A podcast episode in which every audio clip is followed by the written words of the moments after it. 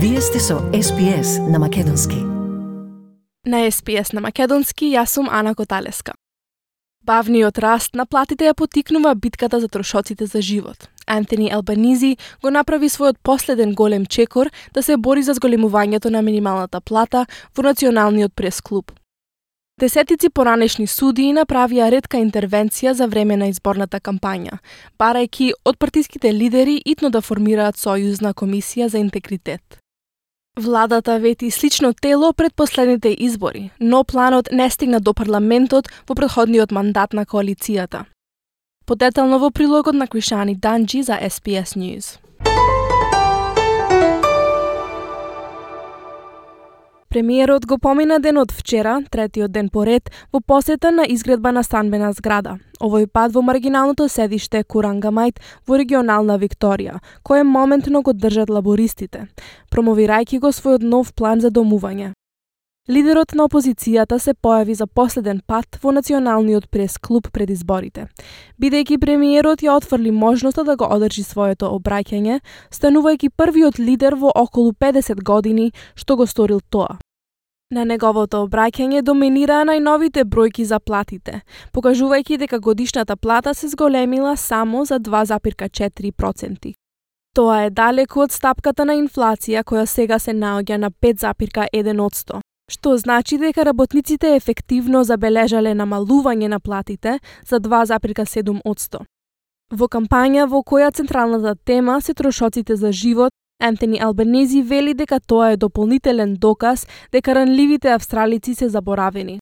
Тој вели дека работниците ја плаќаат цената за лошата политика и економските неуспеси за последната деценија. This delivers the biggest cuts to real wages in more than 20 years. Australian workers are paying the price for a decade of bad policy and economic failures. Резервната банка предвидува дека платите ќе се зголемат над нивото на инфлација до крајот на следната година.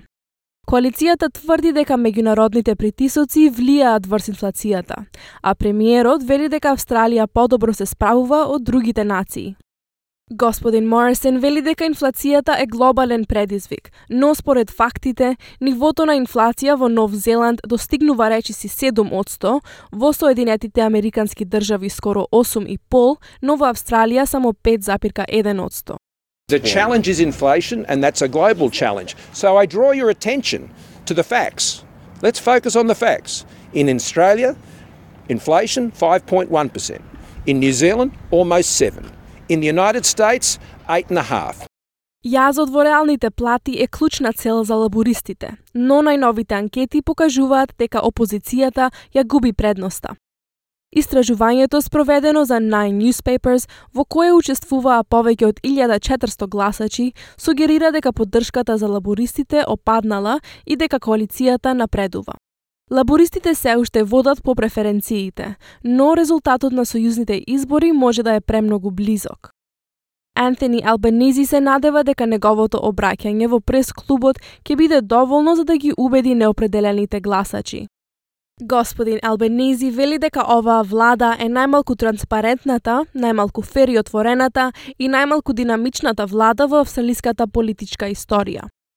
This government are the least transparent, least open, least fair income government in Australian political history. And you know what they did yesterday? They stood up and said, We're going to gut the public service even more. Well, you know what that leads to? Robo debt. It doesn't save money, it costs money, Но владата ги обвинува и лабористите дека не се транспарентни, бидејќи тие одбивале да ги објават трошоците на нивните политики до денеска, само два дена пред денот на гласање. Господин Морисон го спореди лидерот на лабористите со филмскиот лик Форест Гамп, велејќи дека кога е прашан за трошоците за неговите политики, тој само бега. Yesterday, um, Anthony Albanese did the full Forrest Gump when it came to being asked about his costings. Off he was, running, run, Forrest, run. That's what we saw him from yesterday, doing when he was asked the simple question how are you going to pay for your policies? Транспарентноста, уште едно клучно прашање на кампањата, повторно е во центарот на вниманието по редката интервенција на 31 поранешен судија, кои ги повика партиските лидери веднаш да воведат силна комисија за интегритет. Вклучително и поранешниот судија на апелациониот суд во Викторија, Стивен Чарлз, изјави за СПС дека една од причините поради што премиерот не сака да донесе антикорупциско тело во парламентот и покрај тоа што ветил дека ќе воспостави такво пред последните избори, е затоа што тогаш и премиерот би морал да го оправда своето лично однесување.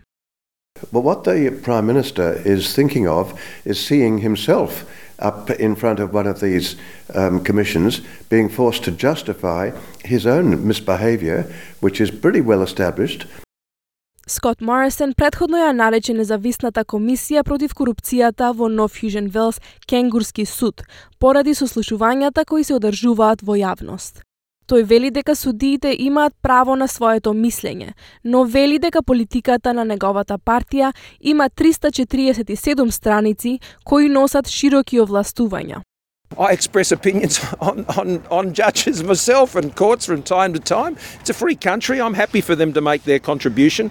Um, but what I do know is that we have a policy of 347 pages with, with extensive powers Тоа е платформа на која кампањата ја води и поранешната новинарка, сега независна кандидатка Зои Даниелс. Кандидатката која е поддржана од иницијативата Climate 200 се надева да го добие седиштето на Голдстин во Мелбурн, што моментно го држи Тим Уилсон од редовите на либералите. Таа вели дека интегритетот и одговорноста се клучни прашања за австралиските гласачи.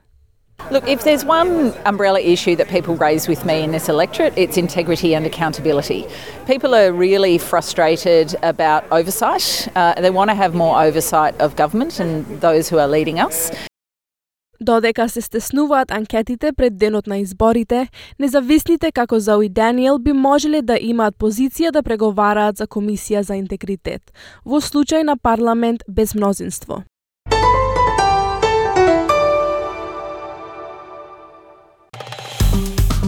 Стиснете, ми се допаѓа, споделете, коментирајте. Следете ја SPS на Македонски на Facebook.